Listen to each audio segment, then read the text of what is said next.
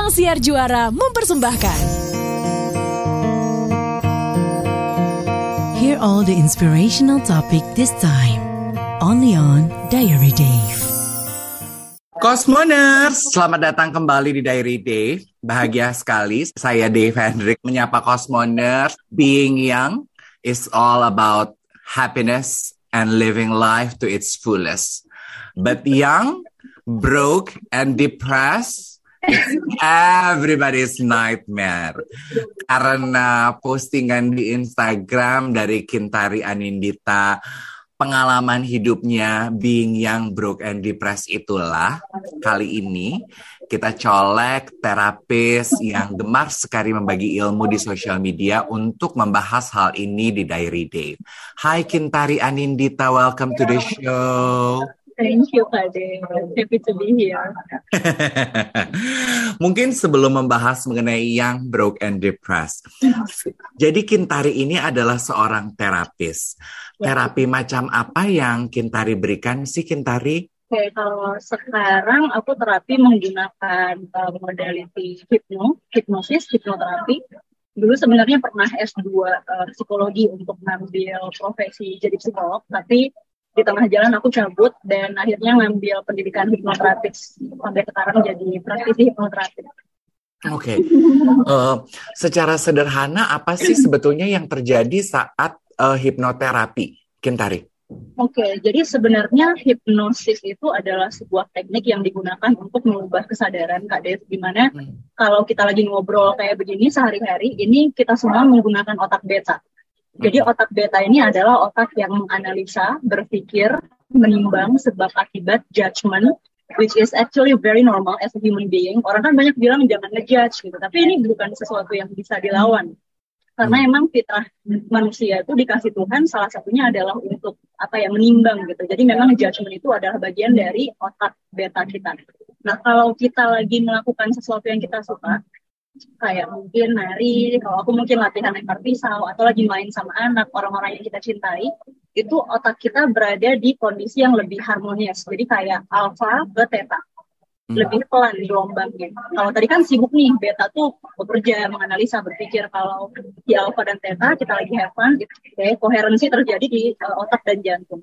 Nah, hipnoterapi adalah teknik yang digunakan untuk membawa kita kepada kondisi itu, di mana tapi lebih dalam lagi dari alpha ke theta dan bahkan beberapa ada yang kadang bablas ke delta itu kondisi tidur yang sangat restoratif, di mana tubuh ditidurkan untuk sementara waktu, tapi otak kita sadar Hmm. So it's more like dreaming, di mana kita sangat merasakan apa yang selama ini kita rasakan tapi nggak pernah kita sadari. Gitu. Hmm. Misalnya kita punya kesedihan, kita punya kemarahan, dan itu bisa jadi datang dari kayak beberapa tahun yang lalu, dan kita menganggap itu sudah selesai, tapi rupanya masih ada sisanya di bagian kita. Nah, pada saat kita memasuki kondisi itu, di mana tubuh sangat rileks, hampir tertidur, tapi pikiran masih sangat aktif dan sadar, maka kita akan bisa kembali ke rasa itu bisa kembali mengulang momennya dengan sangat real, seolah itu nyata sedang terjadi lagi, dan kita bisa melakukan sesuatu untuk mengubah jalinan saraf yang terekam karena trauma. Gitu. Jadi kayak kita bisa ngasih ending, misalnya amarah itu datang karena empat tahun yang lalu pernah di ghosting sama mantan. Hmm. Misalnya ya kan.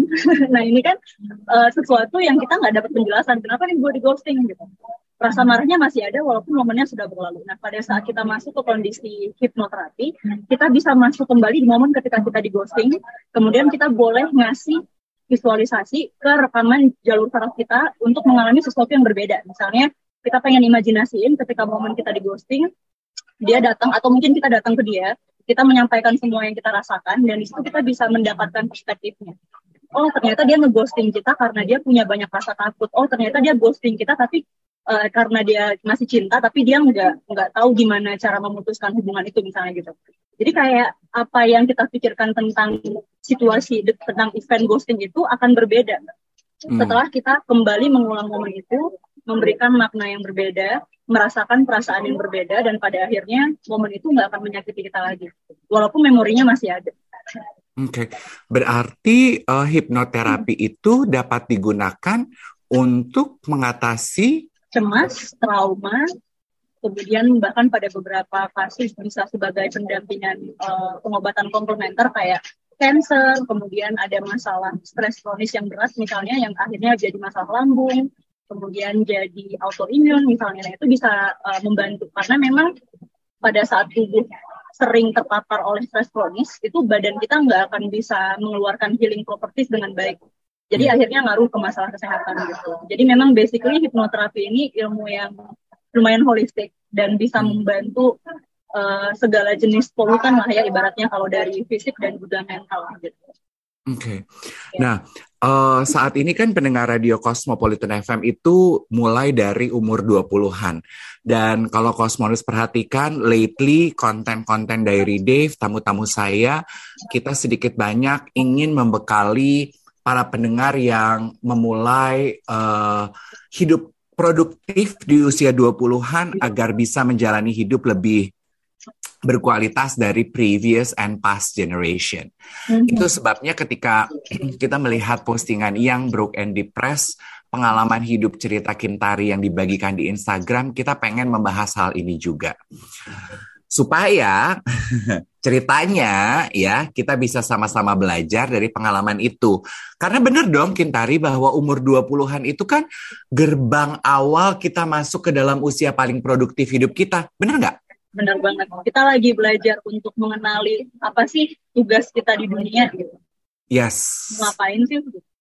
Nah, dan rata-rata pembahasannya hanya untuk mempersiapkan kontribusi lo apa dalam hidup, ya kan? Nggak pernah dibahas tuh sebetulnya ke dalamnya seperti apa. Selalu dibahas kontribusi keluar, ya dong. Kontribusi kita ke dalam diri kita, perkembangan ke dalam diri kita nggak pernah dibahas. Itu sebabnya kayaknya dari Dave kali ini kita ingin memberikan fokus kepada itu. Disimpan dulu rasa penasarannya. We'll be back with Kintari Anindita. Kita lanjutkan kembali Cosmoners, Diary Dave bersama Kintari Anindita. You've been young, broke, and depressed. Cerita dulu pengalamannya seperti apa waktu itu? Oke, jadi itu aku ingat umur 20 itu lumayan tamat cepat karena aku memang uh, masuk SD itu umur lima tahun tadi. Jadi memang lebih cepat dari usiaku, tapi aku nggak happy karena sepanjang aku sekolah aku dibully dan bullyingnya itu uh, bahkan juga sampai ke warna kulit ya karena aku pribumi sendiri di sekolahku waktu itu. Jadi kayak masalah ras juga wah luar biasa. Sekarang alhamdulillah kayak begitu gitu udah nggak ada ya kak Devi ya. tapi zaman dulu itu aku sempat ngerasain tuh dan itu gila banget rasanya. Dan pada saat aku tamat itu SMA ya tamat SMA mau masuk kuliah di situ aku pengen banget ikut psikologi karena memang kan katanya orang yang kuliah psikologi itu lagi berobat jalan emang benar gitu. Karena aku waktu itu mencari cara gimana caranya at least aku bisa bisa ngerasain sebuah perasaan baru yang bikin aku lebih pede atau lebih terhubung sama orang-orang di sekelilingku because I was so lonely aku ngerasa kesepian dan waktu itu aku nggak punya memang banyak orang yang yang aku percaya gitu. Karena bullying kan merekam membuat kita merekam trauma bahwa nggak ada yang safe gitu. Hmm. kayak yang itu bisa balik nyakitin kamu. Itu pernah jadi teman nanti nyakitin kamu lagi. Yang itu uh, dia mikirin jelek tentang kamu gitu. Karena memang otak kita merekam itu dan pada akhirnya dengan siapa pun kita bertemu walaupun mereka orang baik kita nggak bisa ngeliat itu lagi. Because we are so fearful so afraid right? Nah waktu itu aku tamat SMA dan aku meniatkan. Aku cuma bilang e, Tuhan aku pengen dong ngerasain gimana punya temen gitu. Hmm. gimana sih rasanya punya temen dan feel belong in a place you know dan pas masuk kuliah di situ entah kenapa aku dapat keberanian untuk iseng aja gitu ikut kayak duta mahasiswa kemudian uh, duta mahasiswa generasi berencana itu dari BKKBN itu sempat sampai ke tahap nasional. Kemudian aku iseng-iseng nulis uh, dan pada akhirnya kepilih di International Youth Leadership Conference di Dubai. Itu kontras banget kak Dev by the way aku waktu SD sampai SMA itu kalau mau ngambil rapot ibuku harus datang ke sekolah karena hmm. nilaiku jelek banget kayak tiga empat lima you know. Dan gak punya teman. Karena kan kalau dibully emang ternyata itu dari penelitian juga kelihatan ngaruh ke prestasi belajar anak gitu. Karena hmm. dia ngerasa nggak safe dia nggak bisa belajar banyak. Dan akhirnya nilainya anjlok. Nah aku ngalamin itu. Jadi pas kuliah uh, aku cuma bilang aku pengen start new aku pengen coba. Dan pada saat aku ngirimin tulisan-tulisan itu bener-bener nothing tulus aku cuma nulis itu dengan visualisasi aku bakal ketemu teman-teman baru mungkin ada yang bule mungkin ada yang dari negara mana gitu. Atau kayak dari Indonesia aku bisa ngobrol uh, lama sama dia bisa ngerasain pertemanan yang sehat seperti apa. Aku cuma ngevisualisasiin yang seneng-senengnya doang gitu ya. Jadi kayak aku bikin tulisan itu aku kirim dan ternyata lulus. Jadi tahun 2013 aku ke Dubai dalam keadaan masih jadi pelajar masih jadi mahasiswa. Dan kemudian uh, tahun 2014-nya lulus lagi alhamdulillah G20 uh, eh, Youth Forum itu di Jerman di Garmisch-Partenkirchen dan itu aku bener-bener ngerasa kayak aku lompat realita gitu loh Kak Dev. Aku nggak pernah ngerasain itu sebelumnya. Kayak aku tuh memasuki sebuah portal dan hidupku berubah hmm. dengan sangat cepat. Right? Dan aku waktu itu nggak tahu apa yang aku lakukan. Tapi sekarang setelah aku jadi terapis, aku bisa nge-recall what did I do to get there. Karena kan sebelumnya tuh bener-bener nggak ada duit. Ya waktu dipilih jadi duta mahasiswa juga itu kan konsepnya ngabdi ya Kak Jadi hmm. bayaran yang didapat ya paling kayak dua ratus ribu, lima ratus paling banyak tuh udah seneng banget pas zaman kuliah. Tapi aku tetap uh, menikmati prosesnya. Jadi akhirnya aku jalani sampai karena aku sangat familiar dengan lingkungan seperti itu. Seumur hidup aku nggak pernah melamar kerja Kak. Jadi aku nggak pernah melayangkan CV karena waktu itu memang aku udah sangat kayak familiar dengan tema freedom itu loh. Kayak kayak uh, ya ganti organisasi semudah ganti baju kemudian ketemu teman-teman baru.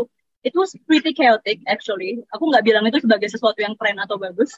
Aku justru ngerasa itu adalah caraku untuk lari dari satu tempat ke tempat lain karena aku masih ngerasa belum safe. Oke okay, aku punya teman tapi aku nggak bisa bertahan lama sama mereka.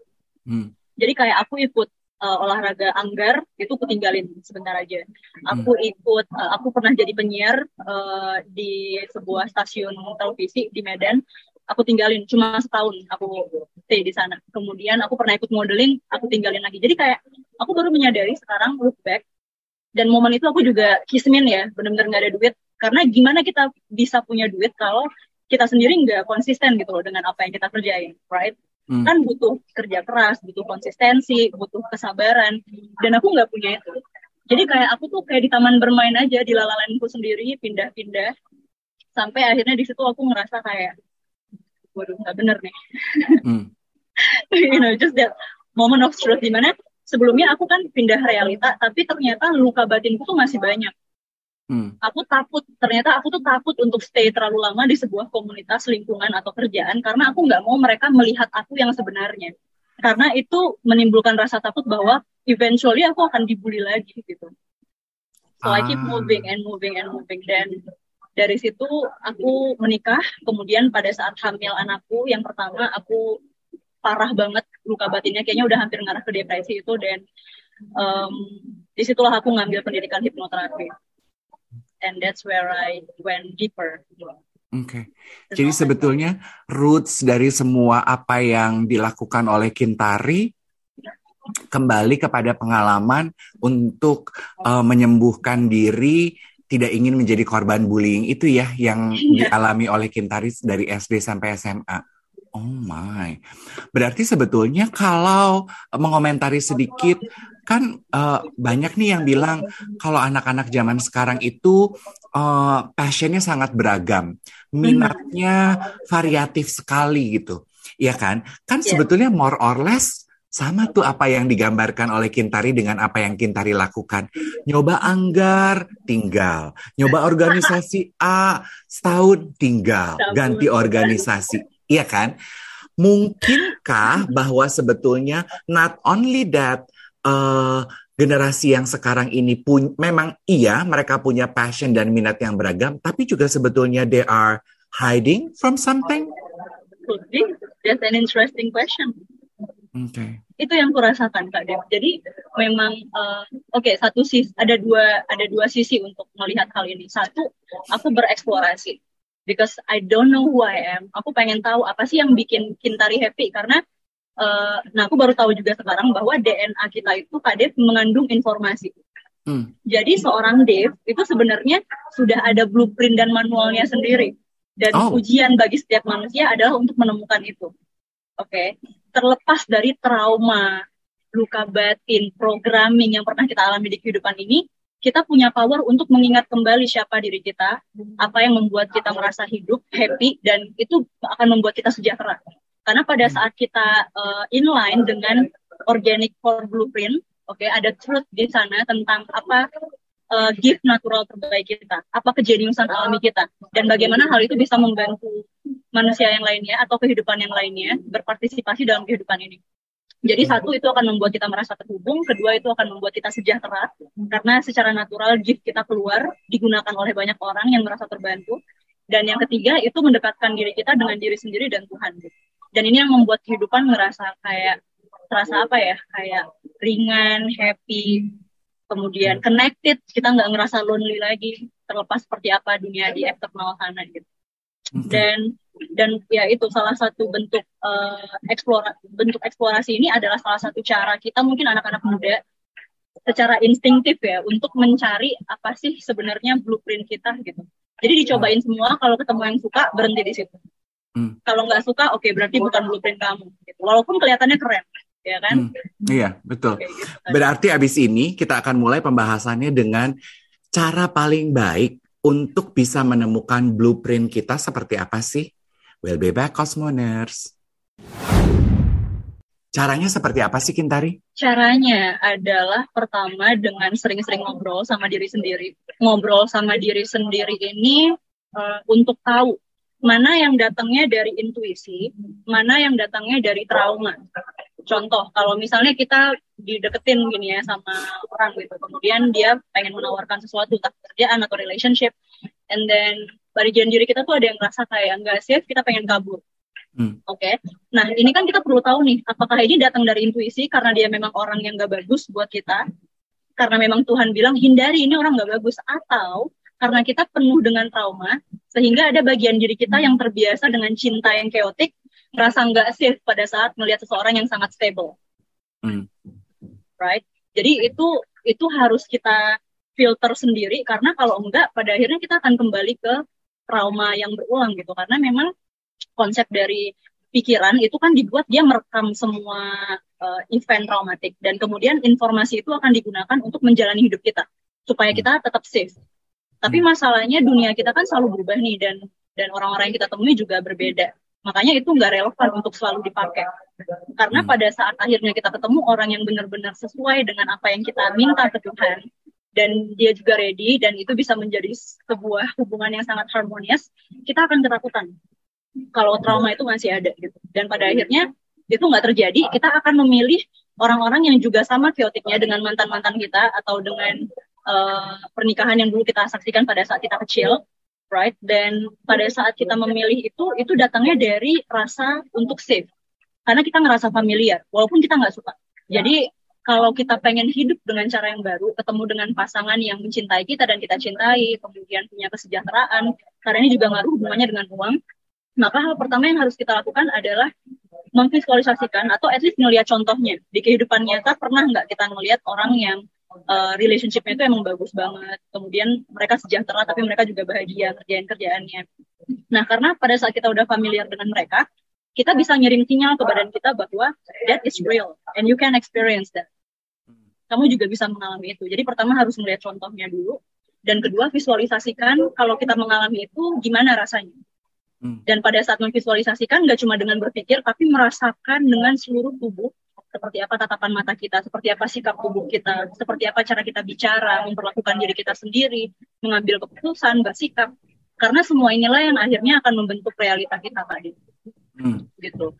Jadi memang ini uh, sesuatu yang bisa dilatih, bisa diajarin ke badan kita untuk familiar dengan hidup dengan cara yang baru. Dan pada akhirnya kalau semua orang punya konsep ini itu akan membantu mereka jauh lebih dekat dengan blueprint. Gitu, hmm. because they feel familiar of their highest potential. Jadi blueprint adalah potensi tertinggi kita okay. sebagai seorang manusia. Yeah. Blueprint adalah potensi tertinggi kita sebagai seorang manusia. Nah, yang tadi digambarkan Kintari berarti itu yang kamu maksudkan dengan uh, creation zone instead of yes. survival zone. Exactly.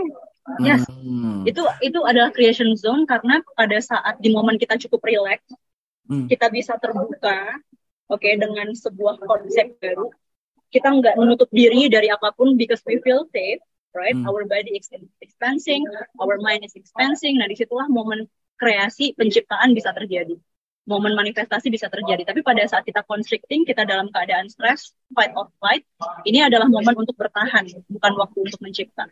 Jadi akhirnya juga akan ngaruh kepada realita kita.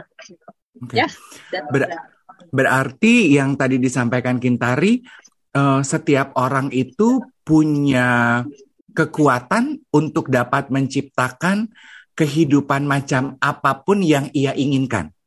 Yes, kalau dia mengizinkan itu. Ah, kalau kita mengizinkan hal itu. Yes. Oke. Okay. Karena Dan, Kadif, aku mm -mm. pernah ngalamin, aku pernah ngerasain gini. Ada satu momen di mana aku tahu apa yang harus kulakukan, bagaimana cara melakukannya, tapi tidak kulakukan. Kenapa aku belum mengizinkan itu? Misalnya soal ketidakberdayaan.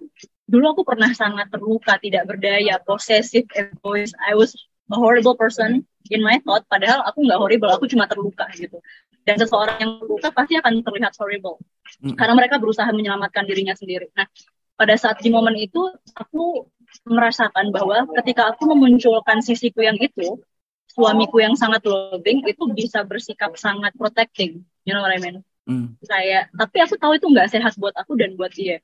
Nah, sampai di satu momen aku tahu apa yang harus kulakukan untuk membuat pernikahanku lebih baik misalnya. Tapi tidak kulakukan karena aku takut. Gimana kalau dia nggak protecting lagi? Gimana kalau dia nggak nggak melindungi aku lagi. Jadi kayak aku selalu membutuhkan sisi lemahku itu.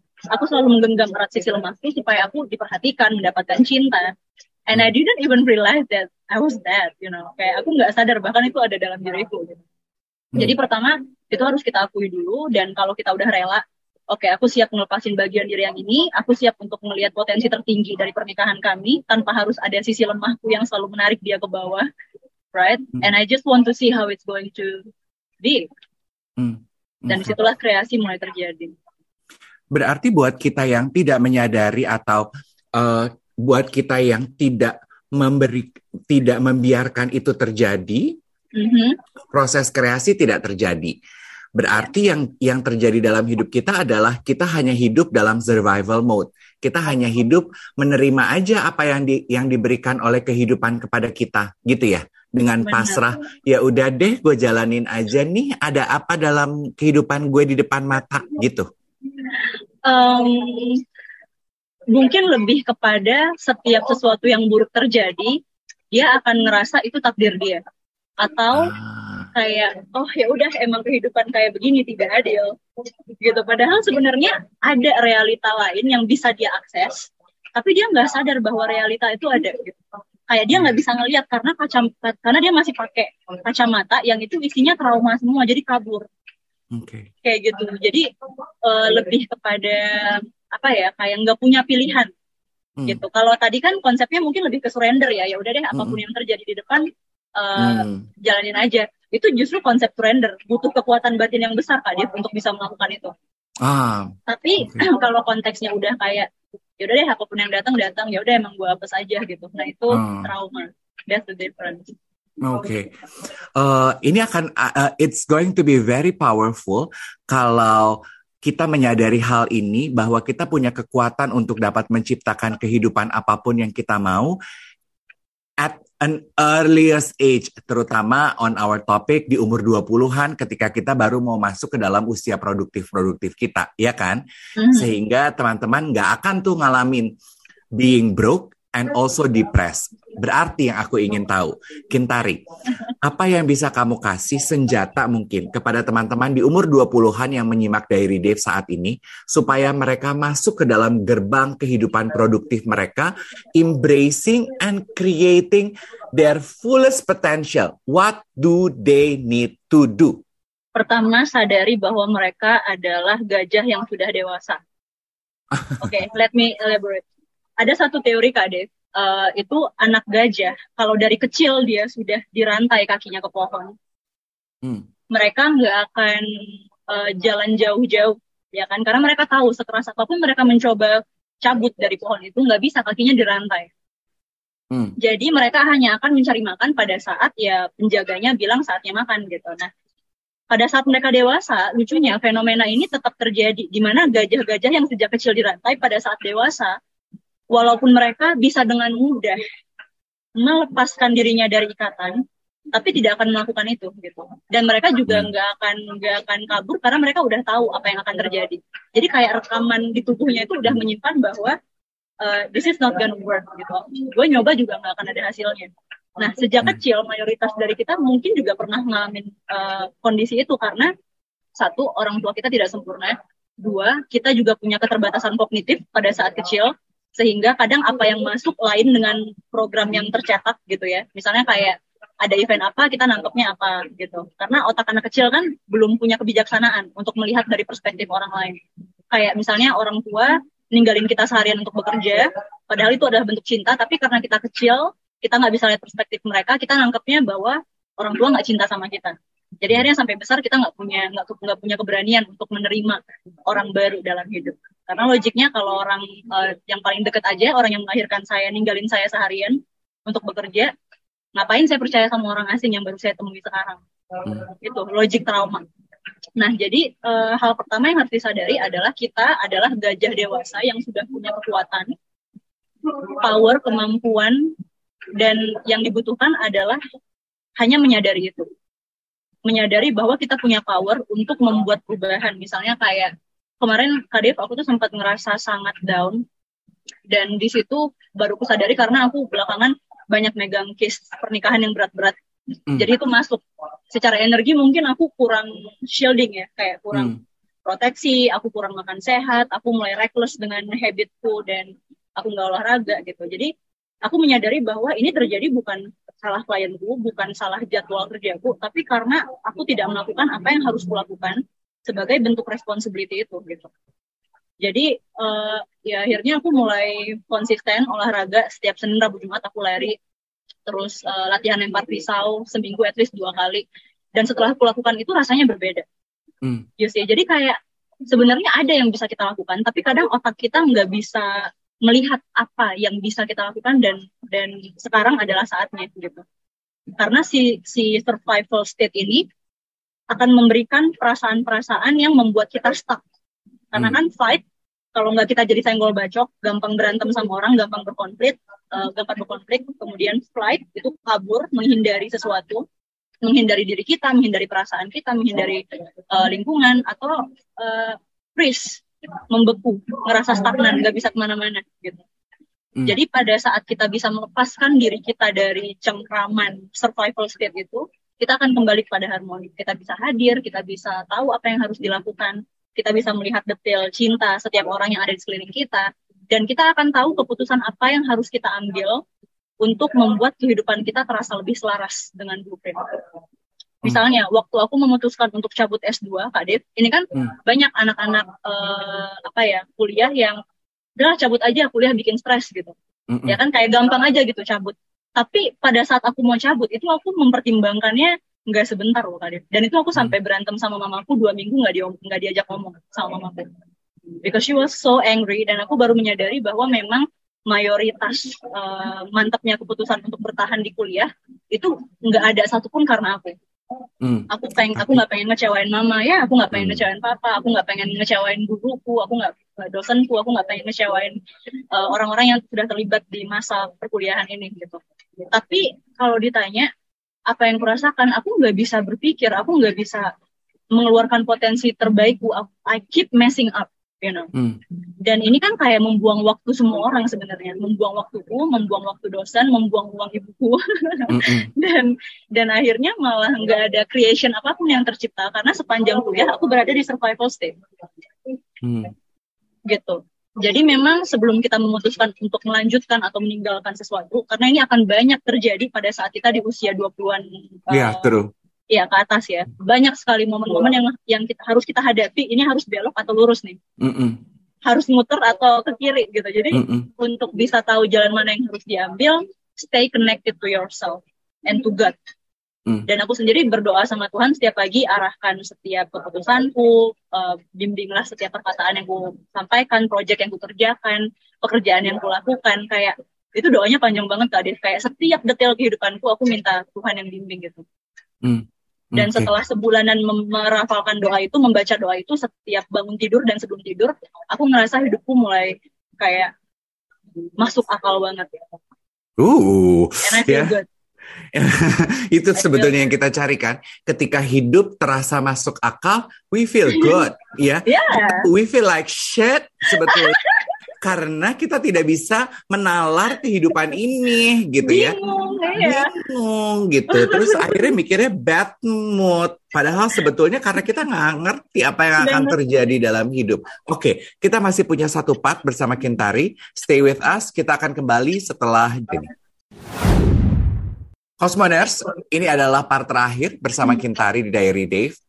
Kalau gitu, kita kan sering denger ya Kintari, ngobrol sama diri sendiri, get to know yourself. Tadi juga Kintari bilang bahwa proses creation itu bisa terjadi pada saat kita tidak ada di uh, beta. Karena beta tuh kita lagi sibuk, lagi sibuk uh, beraktivitas, lagi sibuk ngobrol, sibuk mikirin kewajiban dalam hidup. Ya dong, we cannot Yes. create anything. Kintari bilang, creation will only happen if we are having fun, if we are relaxed.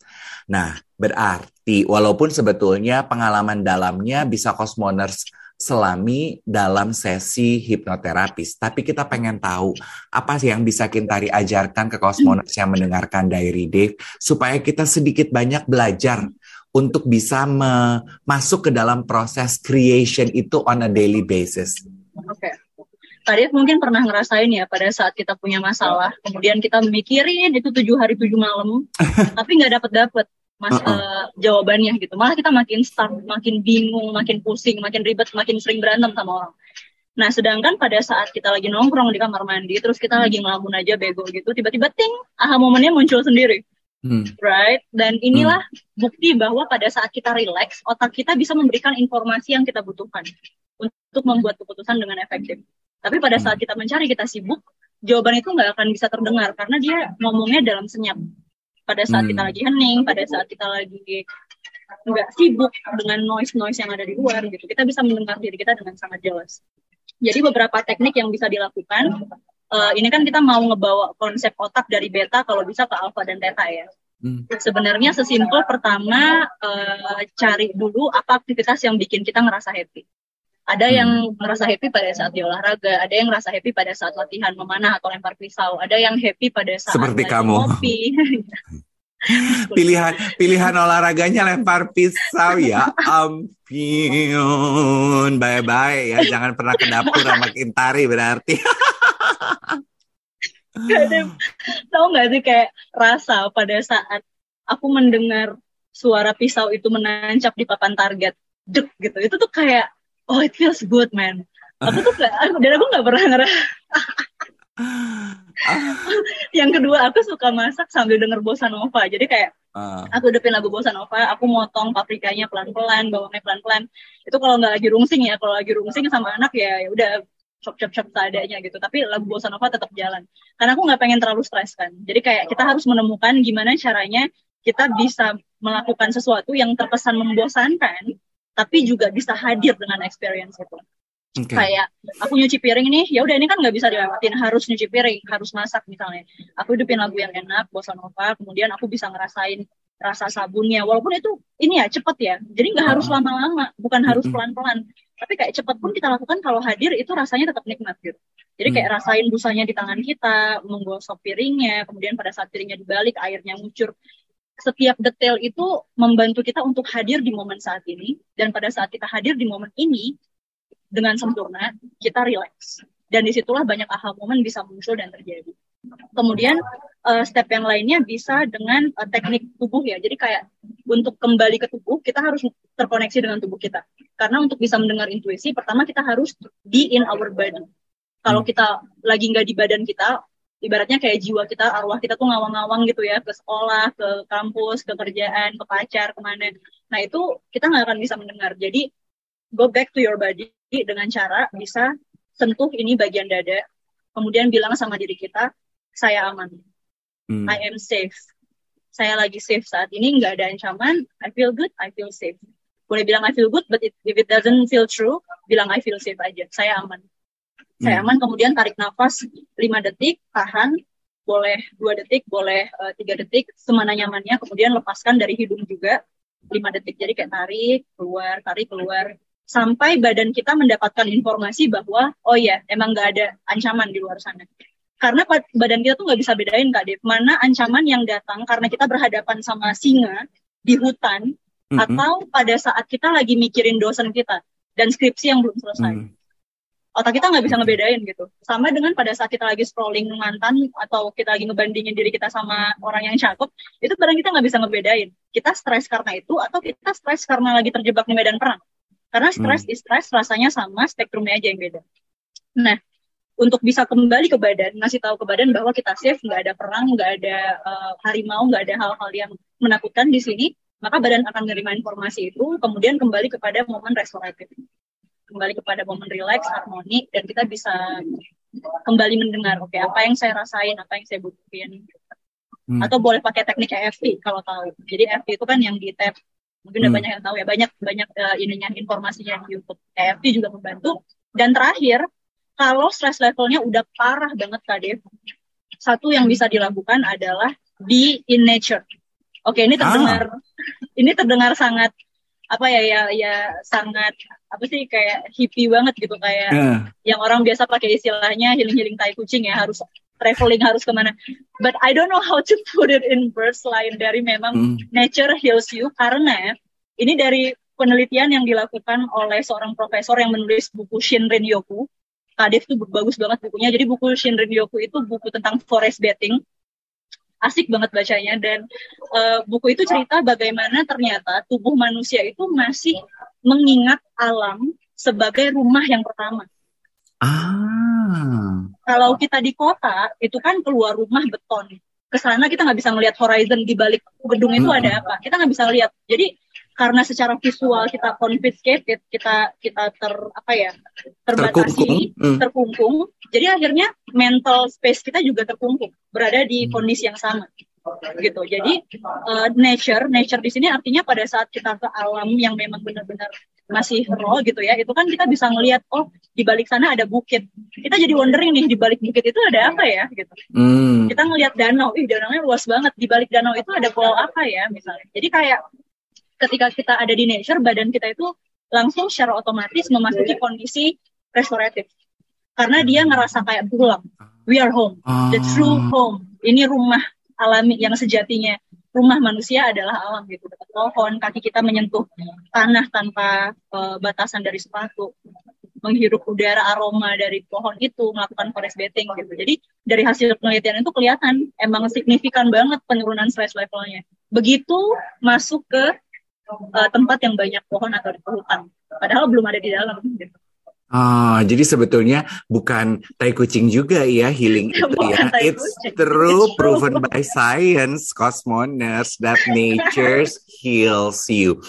Walaupun mungkin uh, sedikit mustahil untuk bisa mensarikan pengalaman hipnoterapis dalam sesi obrolan 45 menit ini, tapi cosmoners bisa ngintip di Instagramnya Kintari Anindita karena ia gemar sekali membagi insight uh, untuk membuat hidup Cosmoners dan hubungan yang Cosmoners miliki di dalam hidup menjadi lebih baik. Aku pikir itu juga panggilan hidup kamu kayaknya Kintari ya. To make people's life better. It's your blueprint. So anyway, thank you for sharing knowledge with Diary Dave kali ini.